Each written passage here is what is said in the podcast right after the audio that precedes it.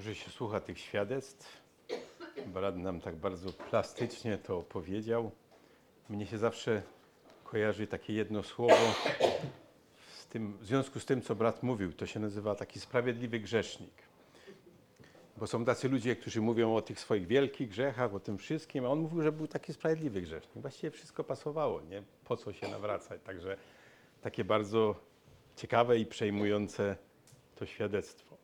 Ja dzisiaj chciałbym czytać z Księgi Dziejów Apostolskich, z 15 rozdziału. E, Przeczytam pierwszych kilka wierszy. Dzieje apostolskie, 15 rozdział. Będę czytał od pierwszego wiersza, będę czytał w przekładzie Biblii Warszawskiej. Tutaj mamy tak napisane. A pewni ludzie, którzy przybyli z Judei, nauczali braci, jeśli nie zostaliście obrzezani według zwyczaju mojżeszowego, nie możecie być zbawieni. Gdy zaś powstał zatarg i spór między Pawłem i Barnabą a nimi, postanowiono, żeby Paweł i Barnaba oraz kilku innych spośród nich udało się w sprawie tego sporu do apostołów i starszych do Jerozolimy. Ci tedy wyprawieni przez zbór szli przez Fenicję i Samarię, opowiadając o nawróceniu pogan i sprawiając tym wielką radość wszystkim braciom. A gdy przybyli do Jerozolimy, zostali przyjęci przez zbór oraz apostołów i starszych i opowiedzieli, jak wielkich rzeczy dokonał Bóg przez nich. Lecz niektórzy ze stronnictwa faryzeuszy, którzy uwierzyli, powstali mówiąc, trzeba ich obrzezać i nakazać im, żeby przestrzegali zakonu mojżeszowego. Może do tego miejsca najpierw. Chciałbym się dzisiaj z Wami dzielić taką szczególną rzeczą, gdybym mógł prosić o prezentację. Będę prosił o przerzucanie slajdów, tak żeśmy się umówili. Chciałbym dzisiaj spojrzeć na Pismo Święte, tak troszeczkę, jak to niektórzy mówią, z 30 tysięcy metrów. Chciałbym dzisiaj mówić, trochę może to słabo widać, ale, ale myślę, że coś widzicie, także nie jest tak źle. Chciałbym dzisiaj mówić o tak zwanych judaizujących nauczycielach w Kościele, którzy byli, którzy są i prawdopodobnie, którzy ciągle będą. I chciałbym to, po- to powiedzieć pod takim kątem, że to już było, ale to w dalszym ciągu będzie. Fragment, który przeczytałem, jest bardzo szczególnym tu fragmentem. On mówi o pewnym zborze, zborze pogano-chrześcijańskim, który się wywodził w dużej mierze z pogan, czyli z pogan, którzy narodzili się na nowo, przyjęli poselstwo o Panu Jezusie Chrystusie. To było w Antiochii i tam przyszli pewni ludzie z innego zboru, z Jerozolimy, z tego centralnego zboru, z takim przesłaniem, jeśli się nie dacie obrzezać, nie możecie być zbawieni.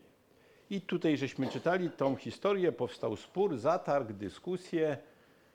Jak to czasami bywa, że gdy, gdy do zboru ktoś przyjdzie z czymś nowym, z jakąś nową nauką, z, jakimś, z jakąś nową, z nowym specyficznym przesłaniem, że to wywołuje różnego rodzaju zgrzyty.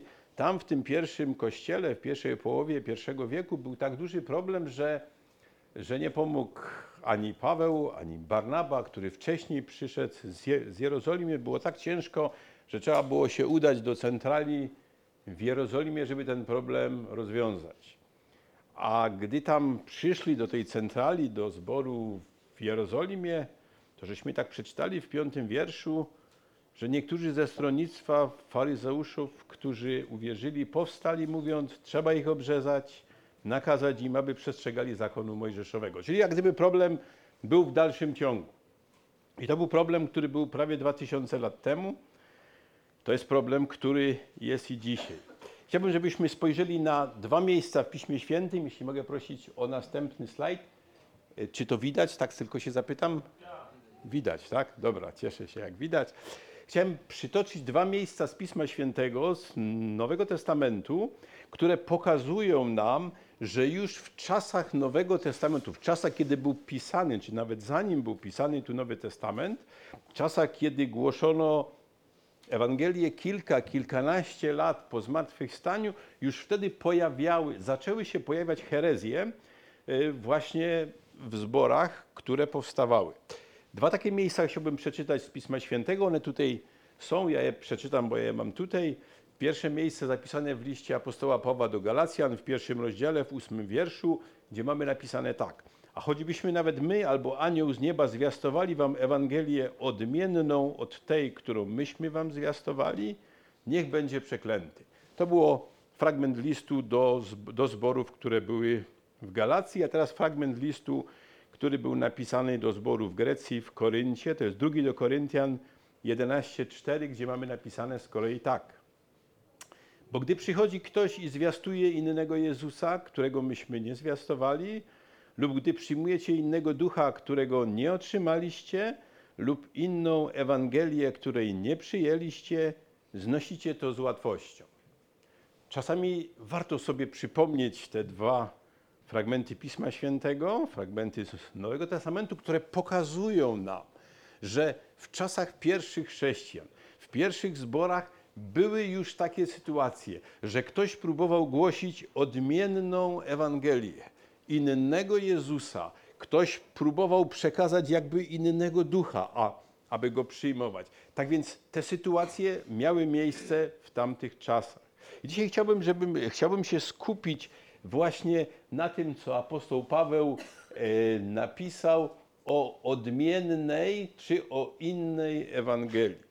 A więc już wtedy w świeżych zborach, które były na terenie Galacji, apostoł Paweł musiał, był zmuszony, aby takie ostre słowa napisać i on mówi to bardzo jednoznacznie. Myśmy tego nie mówili, ale nagle przychodzi ktoś, kto wam zwiastuje coś innego.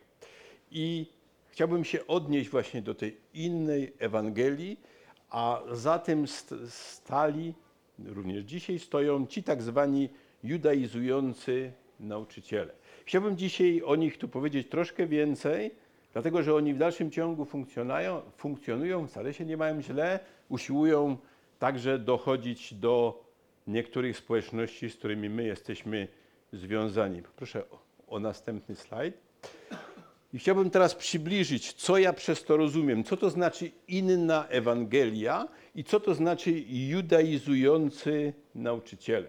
Już żeśmy to właśnie przeczytali w tym piątym wierszu, że w tym centralnym zborze, w tym zborze, który, który miał nadawać ton, jeśli chodzi o sposób rozumienia chrześcijaństwa, była taka frakcja, frakcja faryzeuszy, którzy tak powiedzieli: No nie, nie, nie, trzeba się obrzezać, mało tego, trzeba przestrzegać zakonu mojżeszowego. I to była taka próba nakazania ludziom wierzącym, pochodzącym z pogan, a my, jak przypuszczam w większości, może i wszyscy tu jesteśmy z pogan, aby po nowozrodzeniu dodatkowo się obrzezać, no jeśli chodzi o mężczyzn, tu oczywiście, a także przestrzegać przepisów zakonu czy prawa mojżeszowego. Innymi słowy, ci faryzeusze twierdzili tak, to nie wystarczy dożyć zbawienia w Chrystusie. Trzeba jeszcze stać się prozelitą. Co to znaczy stać się prozelitą? No właśnie, w tamtych czasach, jeszcze zanim Pan Jezus Chrystus przyszedł na ziemię, to niektórzy z pogan byli w jakiś sposób zafascynowani tą żydowską wiarą, tu żydowską i chcieli naśladować ich, chcieli stać się tak jak to się określało mianem prozelitami i żeby oni mogli stać się jak gdyby prawie że równi tym Żydom w ich wierze, to musieli spełnić cały szereg tu warunków. Między innymi było to, że mężczyźni no, musieli poddać się obrzezaniu. Oczywiście mu, musieli zacząć przestrzegać wszystkie przepisy, które były w zakonie, w Starym Testamencie. A nawet tak jak to podają tu niektórzy w IV wieku przed Chrystusem i później było w ten sposób, że ci ludzie nawet no, musieli wchodzić do wody, żeby, do, żeby na nich dokonało się takie rytualne oczyszczenie z ich poprzednich grzechów, z ich poprzedniej tożsamości. I w ten sposób ci ze z tego stronnictwa faryzeuszy, a widać była to silna grupa w tamtym zborze, zaczęła na to nalegać. Ja myślę, gdybyśmy sobie chcieli przypomnieć, czym jest prawo mojżeszowe, bo myślę, że to jest dobrze sobie przypominać. Mógłbym prosić o następny slajd. Tutaj mam y, taki kilka rzeczy wy, wymienionych, które są związane właśnie z prawem mojżeszowym. Jeśli chodzi o prawo mojżeszowe, czy o zakon, dlatego że w Piśmie Świętym w różnych miejscach jest to różnie tu nazywane, To jest prawo, które zostało dane przez Boga dla narodu izraelskiego. I myślę, że co do tego nikt z nas nie ma żadnych tu wątpliwości. Ono zostało dane dla narodu izraelskiego po wyjściu z Egiptu, po przekroczeniu Morza Cze- Czerwonego, wtedy kiedy się znaleźli na, na górze Synaj. Pośrednikiem w tym w tym prawie, w tym przymierzu, które zostało w związku z tym tu zawarte, był Mojżesz. I takie najbardziej e, charakterystyczne rzeczy, o których czytamy w Starym Testamencie, najbardziej charakterystyczne elementy tego prawa mo- mojżeszowego, to było prawo moralne, to było składanie ofiar ze zwierząt za grzechy, ale też i z innych względów. To było przestrzeganie określonych świąt i sabatów, to było obrzezanie wszystkich męskich potomków, to było również takie stwierdzenie, że tylko świątynia jest jedynym miejscem kultu i tylko tam można odprawiać te poszczególne praktyki religijne. Także została im dana taka specjalna dieta, a także specjalna grupa została wyodrębniona, która pełniła posługę kapłańską i tylko oni mogli pośredniczyć w kontaktach ludźmi z Bogiem.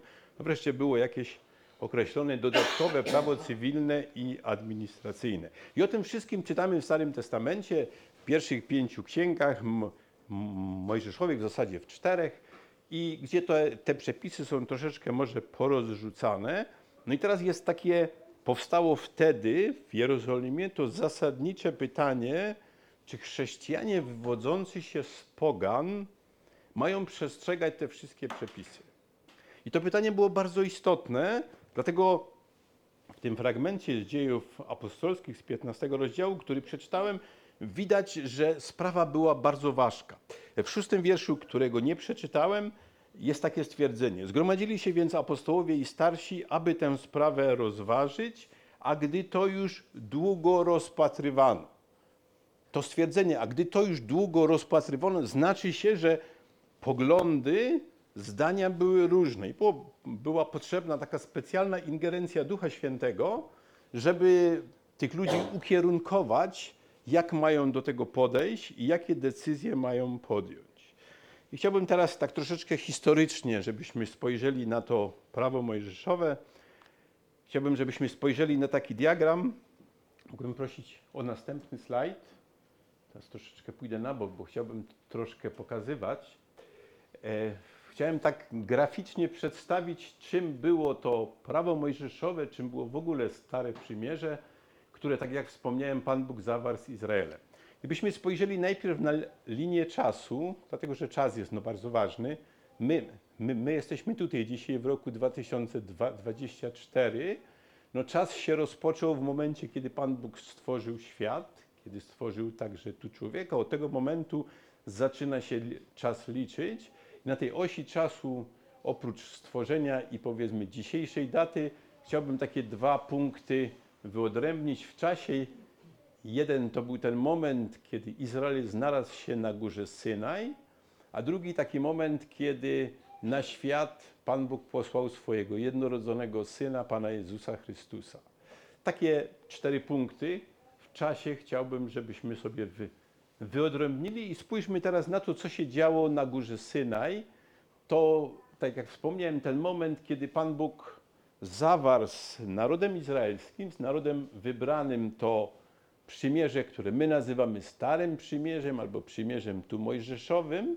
Ono było dokładnie za, za zawarte z Izraelem i ono często go nazywamy prawem mojżeszowym, czasami zakonem. I chciałbym, żebyśmy spojrzeli tak ogólnie z takich kilkudzie, z, takiej, z takiego tu dystansu na to prawo i chciałbym o dwóch rzeczach powiedzieć. Pierwsza rzecz to są przykazania, a druga rzecz to jest sprawa pogan. Tak jak wspomniałem, prawo zostało zawarte z Izraelem, z narodem wybranym. Gdy spojrzymy na przykazania, to Stare Przymierze zawierało w sobie określone wymagania. I te, i te wymagania były no bardzo istotne. Z, z, zebrałbym je w takie, w takie trzy punkty. Pierwszy punkt to była świątynia, kapłaństwo i, i ofiary. To był taki pierwszy zakres.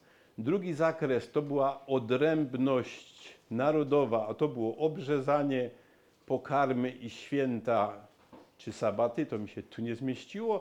I trzecie, trzeci obszar to było prawo moralne. Tak więc w tych trzech obszarach te przepisy, te przykazania zostały zawarte. I to, tak jak wspomniałem, znajdujemy w księgach tu mojżeszowych. Są tacy, którzy to wyliczyli, że tego jest 613, a więc tych przepisów jest bardzo dużo, ale tak je możemy sklasyfikować. Ale ponieważ zostało zawarte przymierze między Panem Bogiem i tym tu narodem, to oprócz tych przykazań, oprócz tych przepisów, były również takie stwierdzenia, co gdy. A więc to były błogosławieństwa i przekleństwa. Jeśli będziecie mi posłuszni, będę wam błogosławił. Jeśli nie będziecie posłuszni, będziecie łamać te przykazania, to będziecie tu karani i będą różne e, przekleństwa w coraz to większym stopniu, o czym czytamy w całym Starym Testamencie. Tak więc to prawo było spójne, bo zawierało w sobie te przepisy, zawierały skutki przestrzegania bądź nieprzestrzegania, ale także to prawo odnosiło się w jakiś sposób do pogan.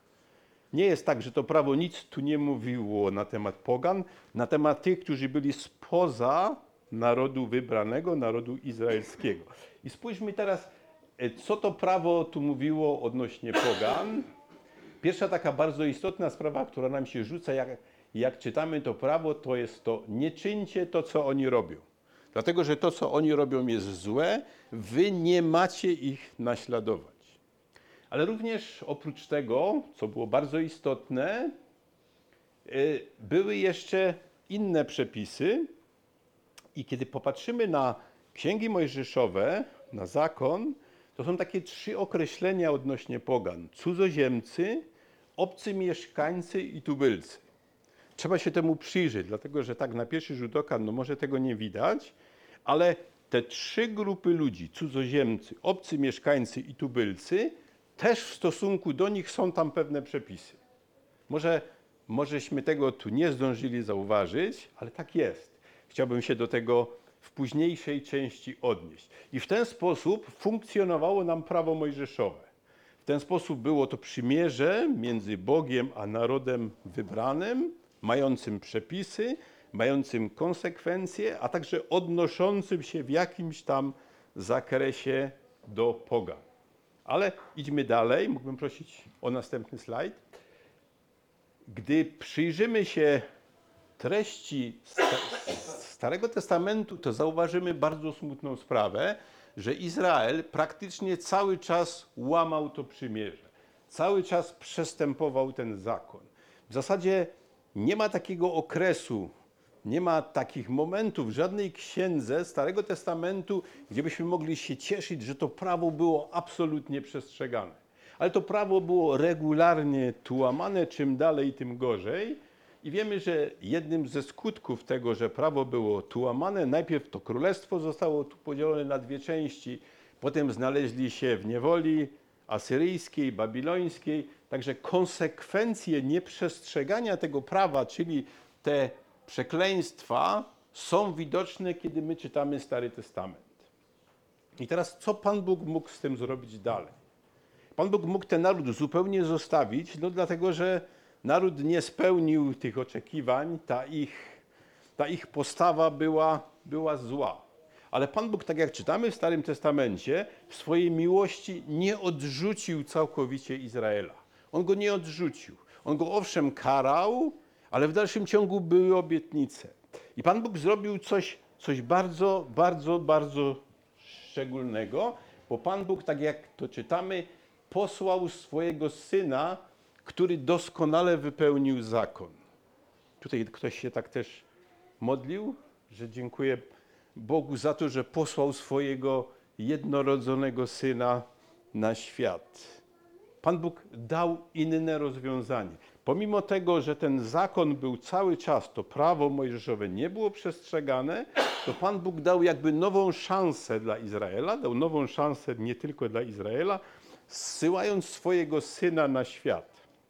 I czytamy o tym w kilku miejscach, właściwie w wielu miejscach, ale są takie bardzo dwa charakterystyczne momenty zapisane w Ewangeliana w pierwszym rozdziale, wiersz 9 i wiersz 14, który, który nam mówi tak, że prawdziwa światłość, która oświeca każdego człowieka, przyszła na świat. A więc Jan w swojej Ewangelii to bardzo jasno pokazuje, że coś takiego miało miejsce, że coś takiego się stało, że ta prawdziwa światłość na świat przyszła.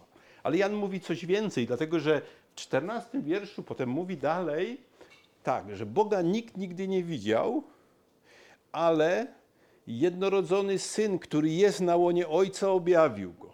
A więc coś się stało, przyszedł Pan Jezus Chrystus.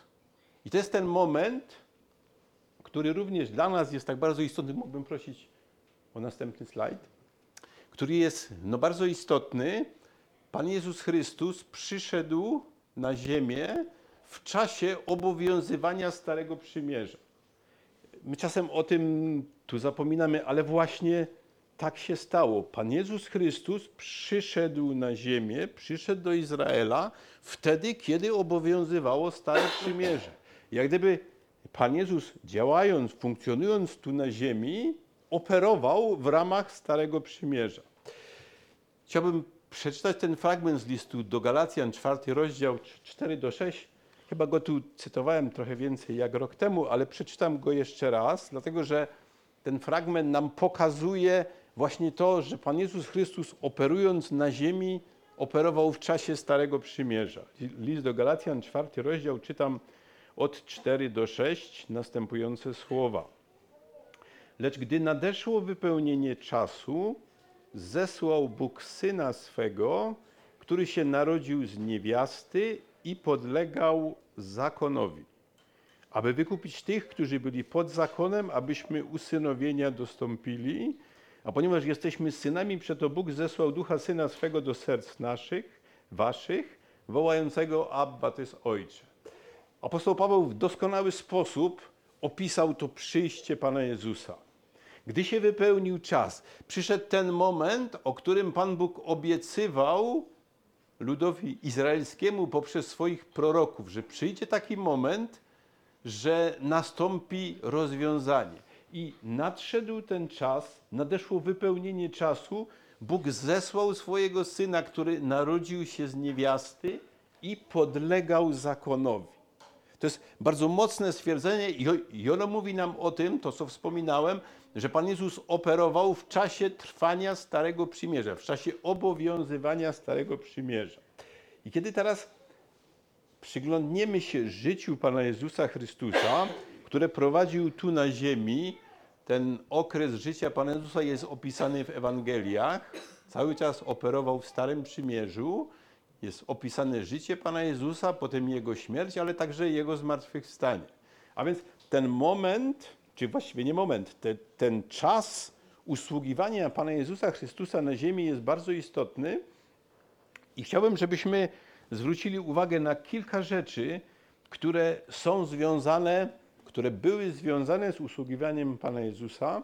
Ja nie będę szukał tych fragmentów w Piśmie Świętym, żebym nie przedłużył czasu, bo już więcej pastor mnie tu nie zaprosi, więc będę, będę bardziej e, tu cytował może, ale chciałbym, żebyśmy spojrzeli właśnie, e, co Pan Jezus Chrystus, będąc tu na ziemi, co takiego szczególnego robił. Mógłbym prosić o, o następny slajd? Jest kilka rzeczy, na które chciałem zwrócić uwagę.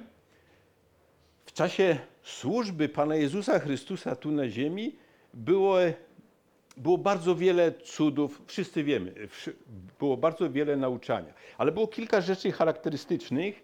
Jedna z nich jest zapisana w dziesiątym rozdziale Mateusza 5-6. To jest ten moment, kiedy Pan Jezus po raz pierwszy wysyła swoich dwunastu uczniów, żeby szli i głosili Ewangelię, tą dobrą nowinę po wioskach. Ale on wtedy mówi coś bardzo szczególnego.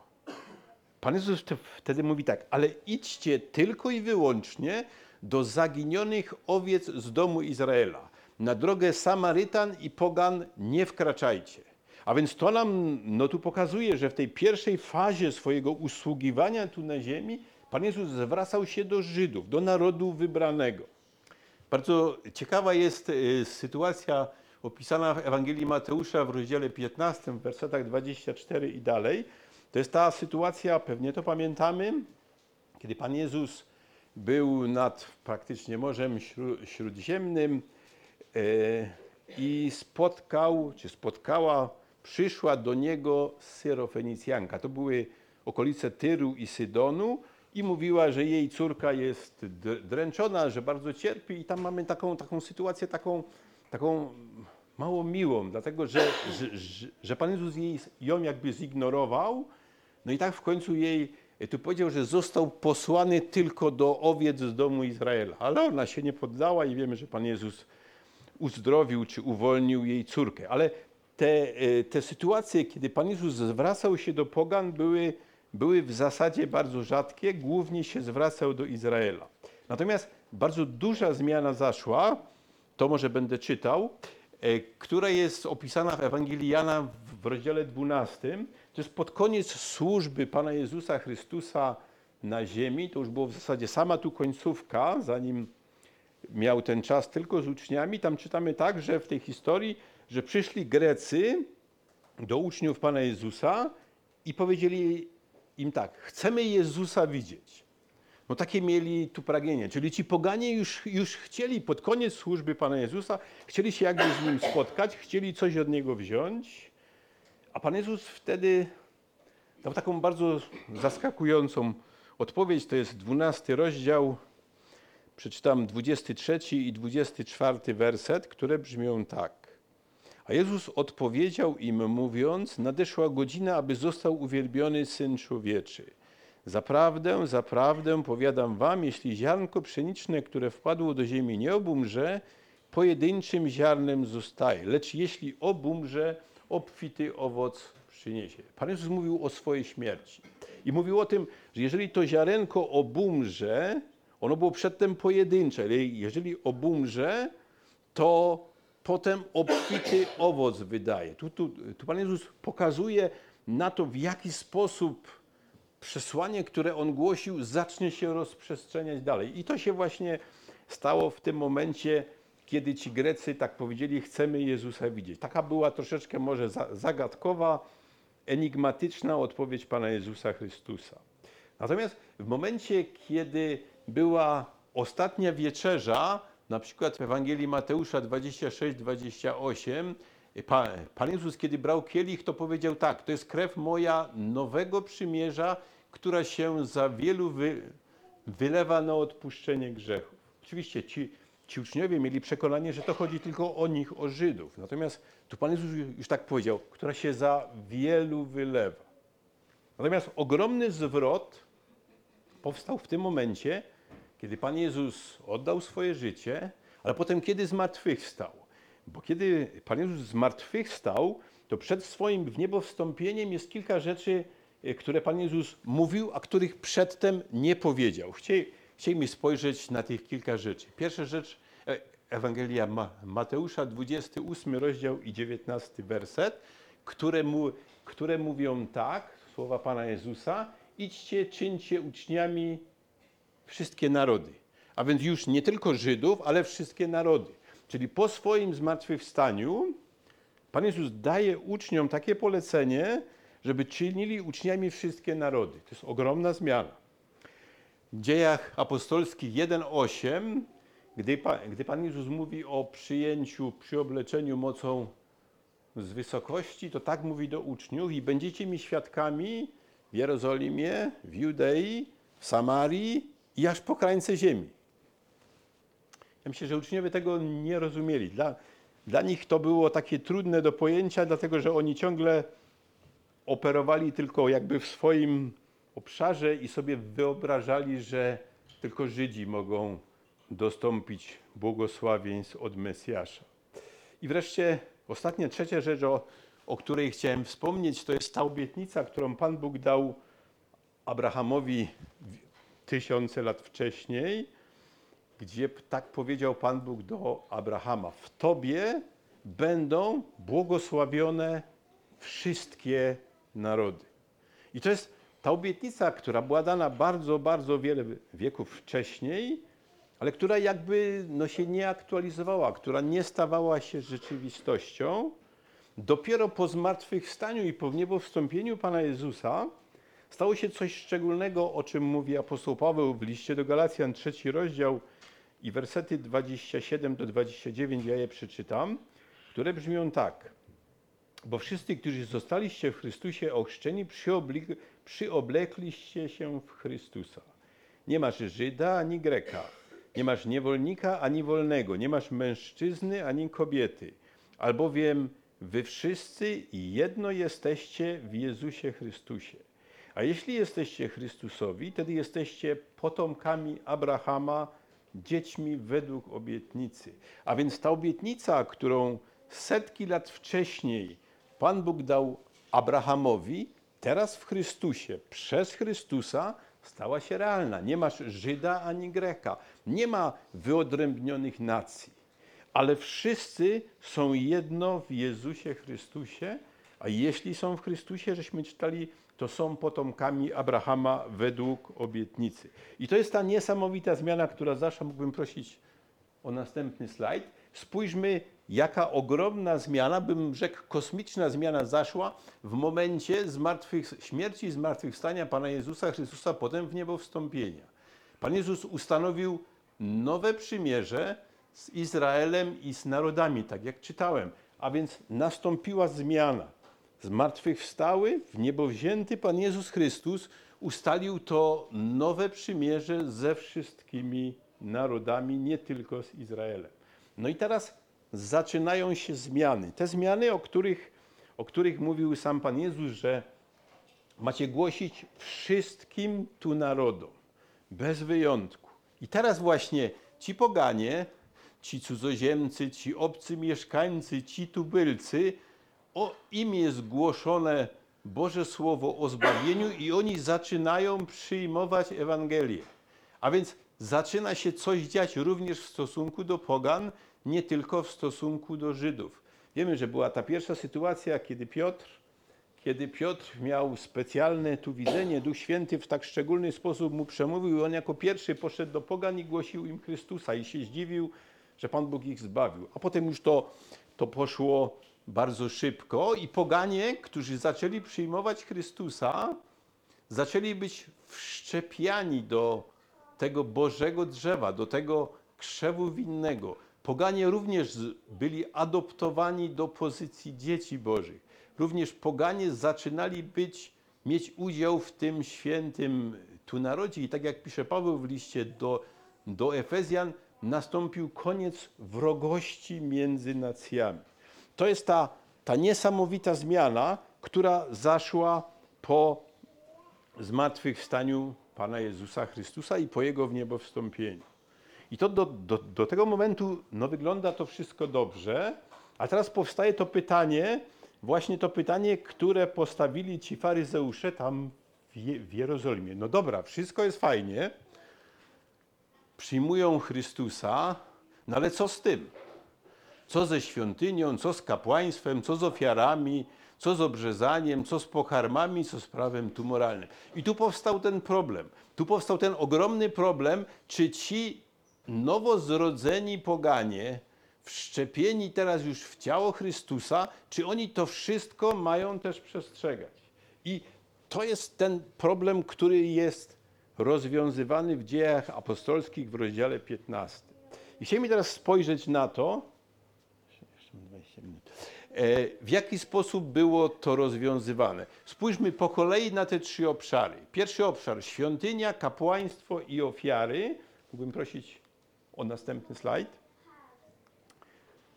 Świątynia, kapłaństwo i ofiary.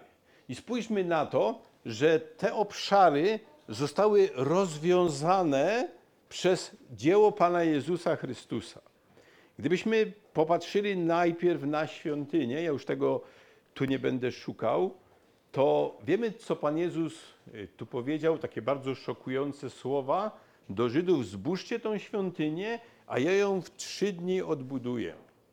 Gdy Pan Jezus Chrystus ro- rozmawiał z Samarytanką, Ewangelii Jana, czwarty rozdział, to i tak powiedział: Przyjdzie taki czas, że ani w Jerozolimie, ani na tej górze nie będziecie od, oddawali cześć Bogu, ale prawdziwi czciciele będą oddawali cześć Bogu w duchu i w prawdzie.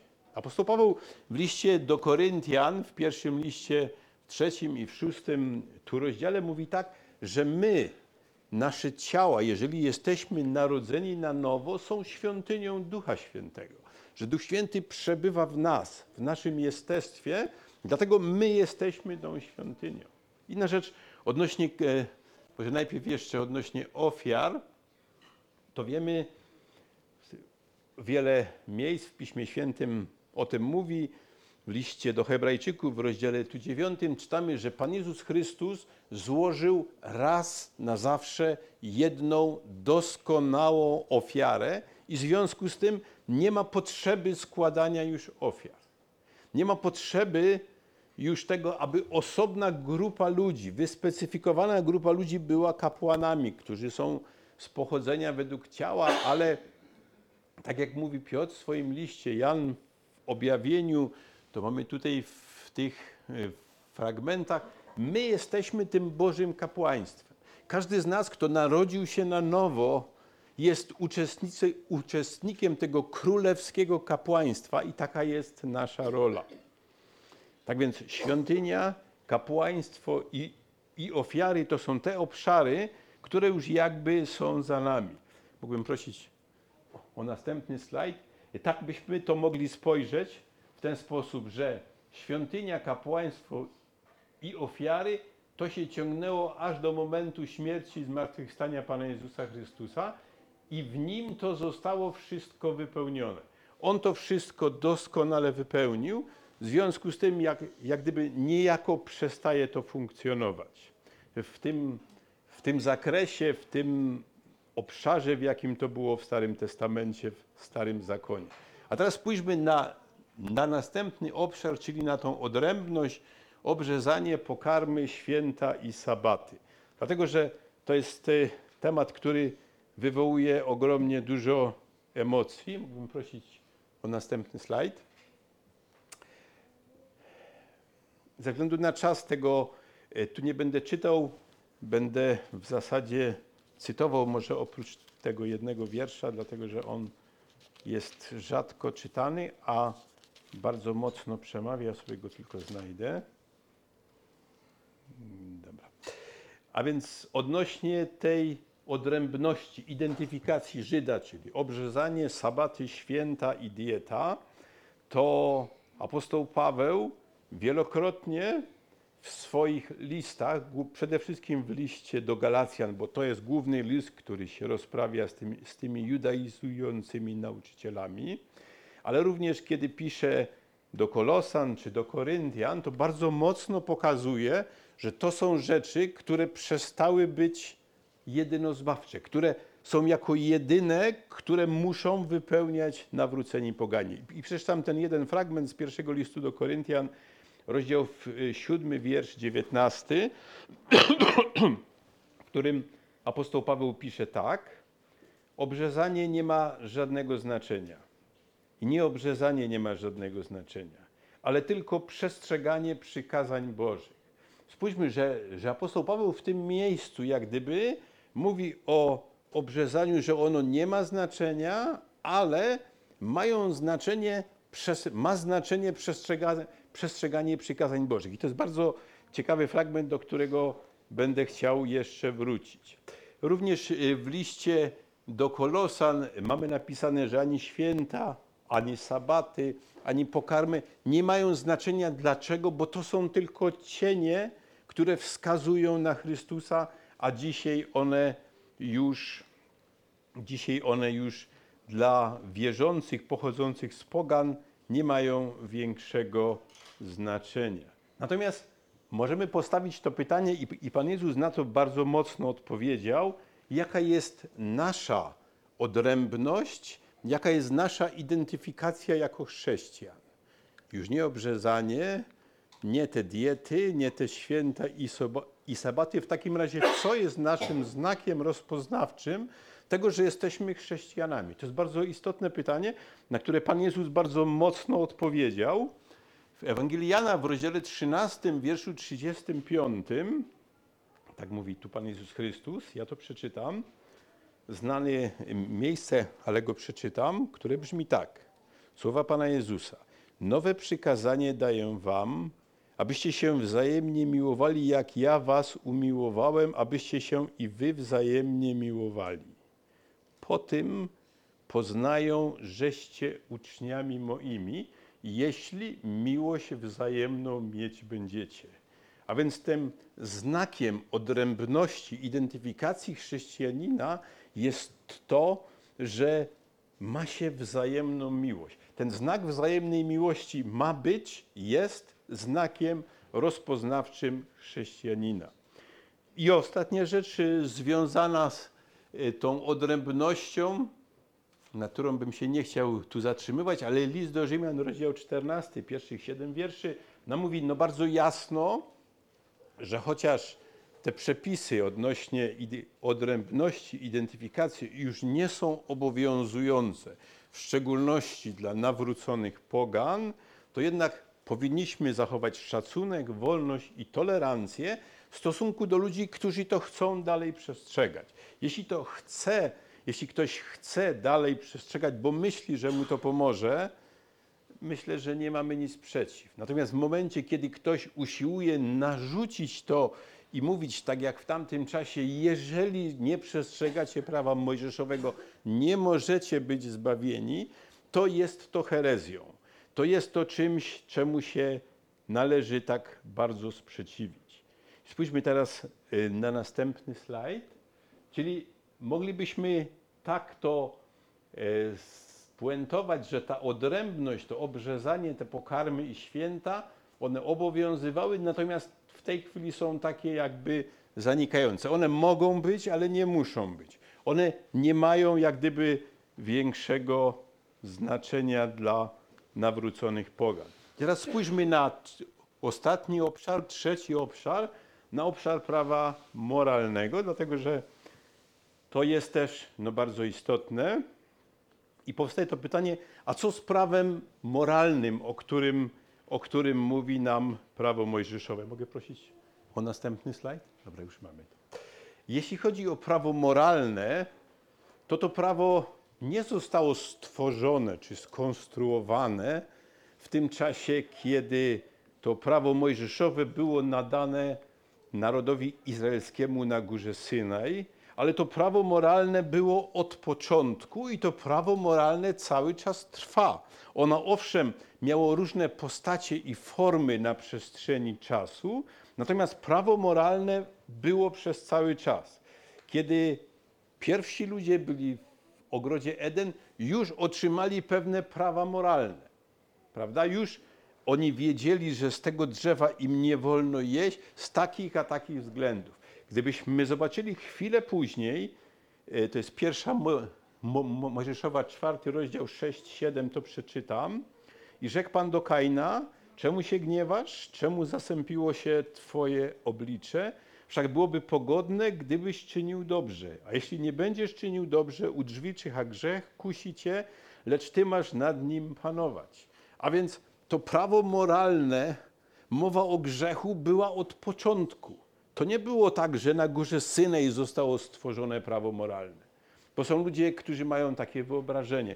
Pan Bóg od momentu stworzenia ustanowił prawo moralne, które owszem troszeczkę inny, inną formę, inny kształt miało, ale ono istniało przez cały czas.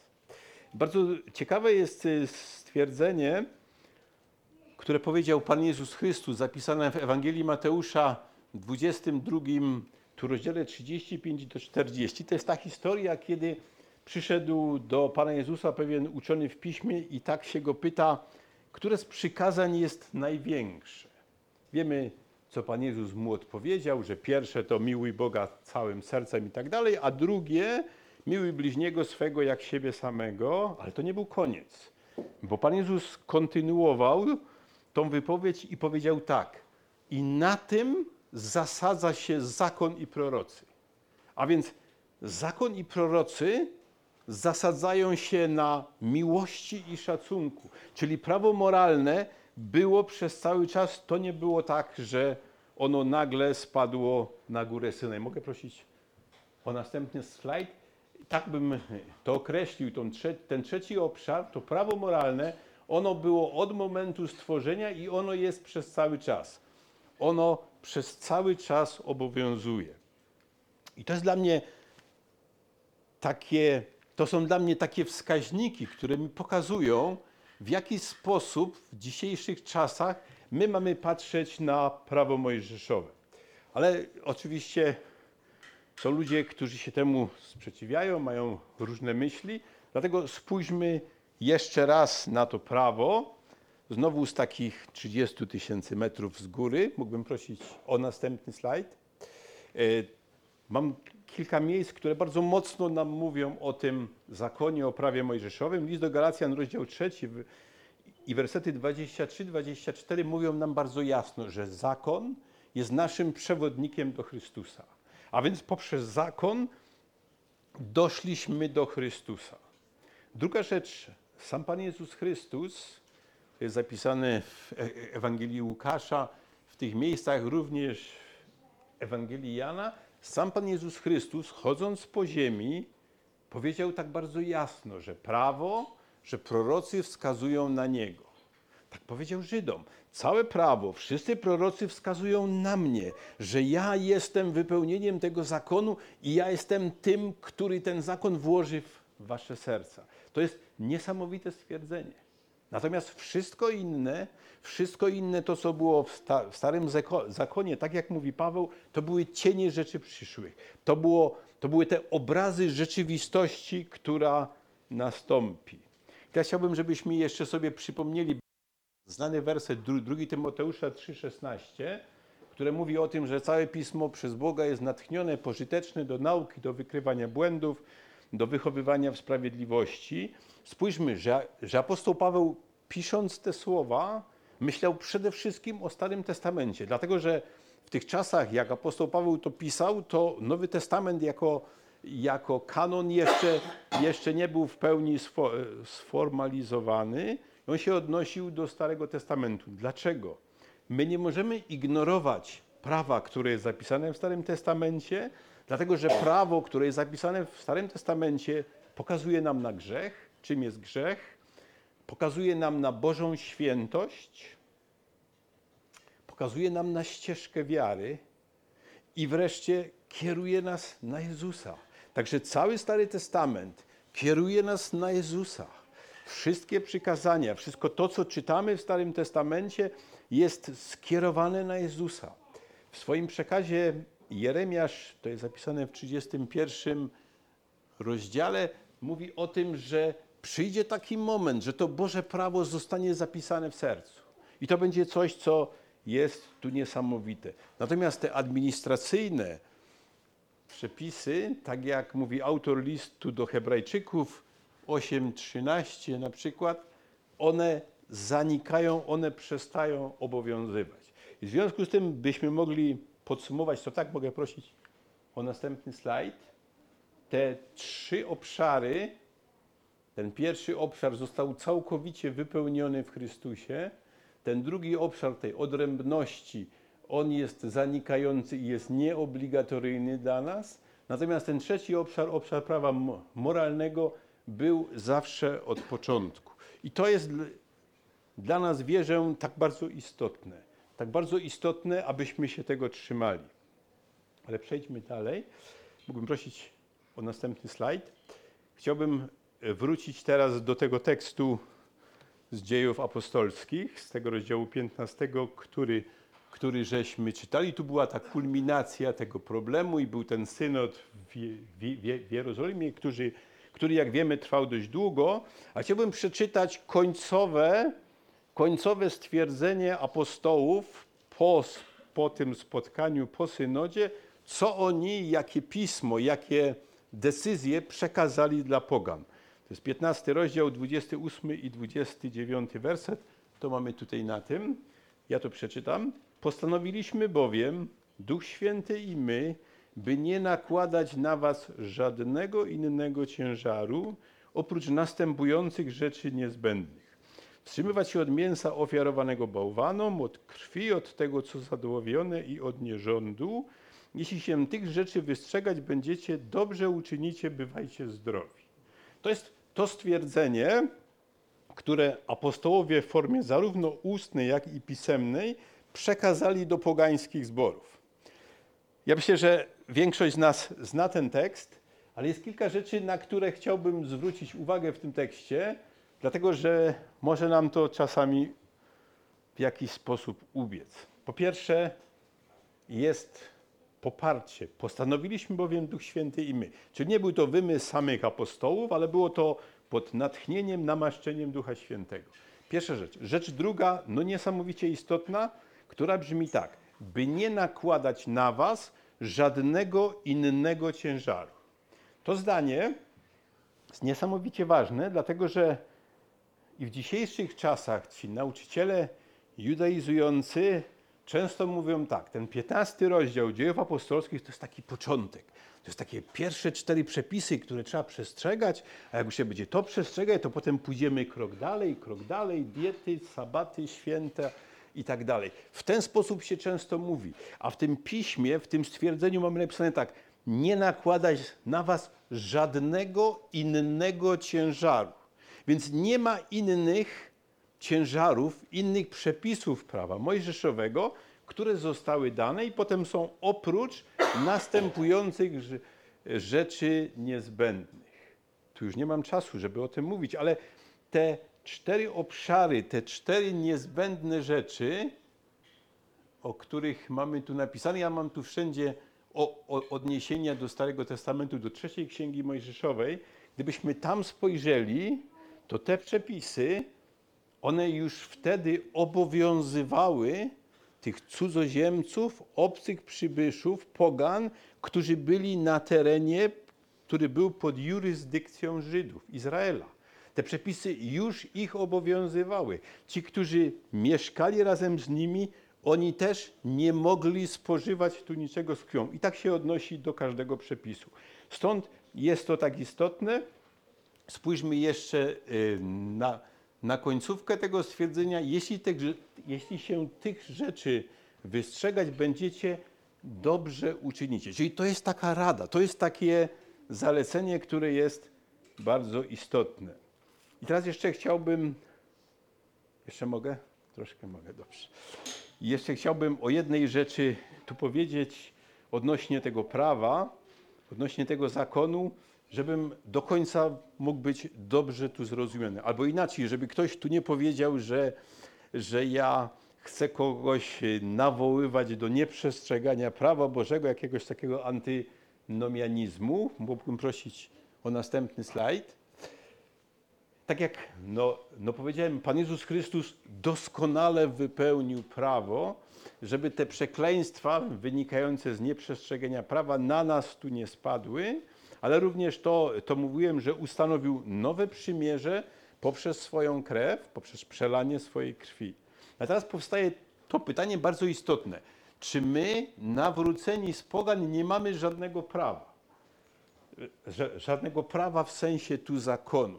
Bardzo istotne pytanie, bo są ludzie, którzy mówią, że mamy już taką wolność, że możemy robić co chcemy, jak chcemy, kiedy chcemy i gdzie chcemy. I chciałbym, żebyśmy jeszcze sp- spróbowali odpowiedzieć dzisiaj na to pytanie. E, tak bardzo prosto można na, na to odpowiedzieć. Spróbuję zacytować, użyć fragmentu apostoła Pawła w jego głoszeniu o Chrystusie.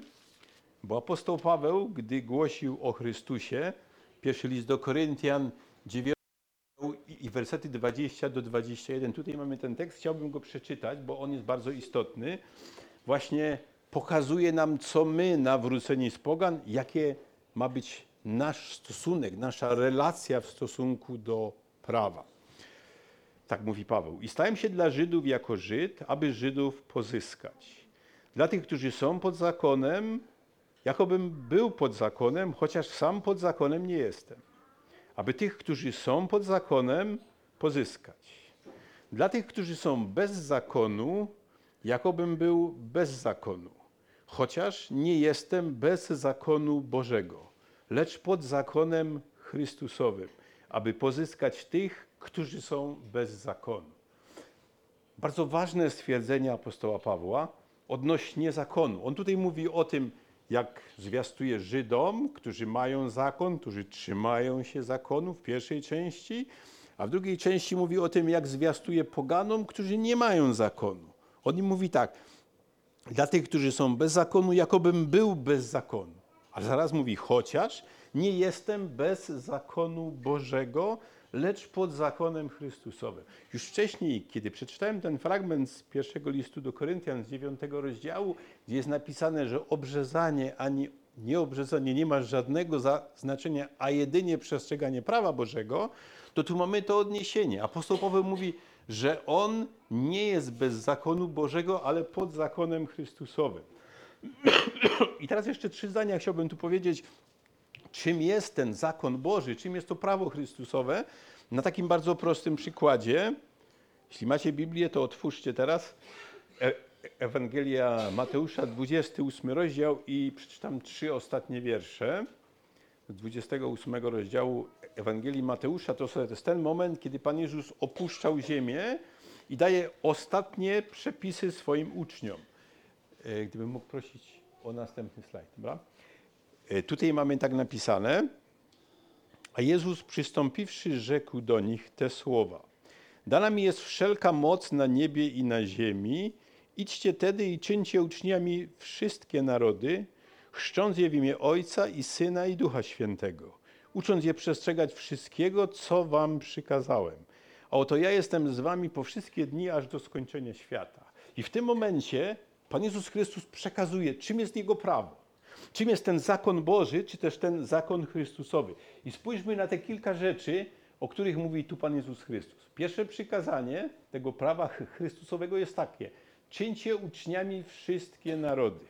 A więc nie tylko Żydów, ale wszystkich mamy czynić uczniami Pana Jezusa Chrystusa. A zasadniczym elementem czynienia ludzi uczniami Chrystusa jest przede wszystkim głoszenie o zbawieniu przez wiarę. A więc to jest pierwsze przykazanie zakonu Chrystusowego. Teraz spójrzmy na drugie przykazanie, które brzmi tak: chrzcząc je w imię Ojca, Syna i Ducha Świętego. A więc tym następstwem jest chrzest w imieniu trójjedynego Boga. I to jest obrzezanie Chrystusowe. O tym mówi apostoł Paweł na przykład w liście do Kolosan, że właśnie ten chrzest po nowozrodzeniu to jest Chrystusowe obrzezanie. I trzecia rzecz, o której mówi również tu Pan Jezus Chrystus, to przestrzegajcie wszystkiego,